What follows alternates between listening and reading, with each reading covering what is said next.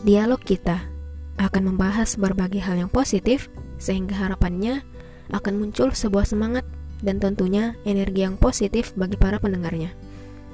Tentunya podcast ini tidak akan berbicara sendiri, akan ada nantinya bintang tamu yang luar biasa untuk membantu kita bersama-sama mencari jalan yang benar. Semoga dengan adanya podcast ini, Allah Subhanahu wa Ta'ala selalu meridhoi dan memberi keberkahan. Amin, amin, amin, ya Robbal 'Alamin.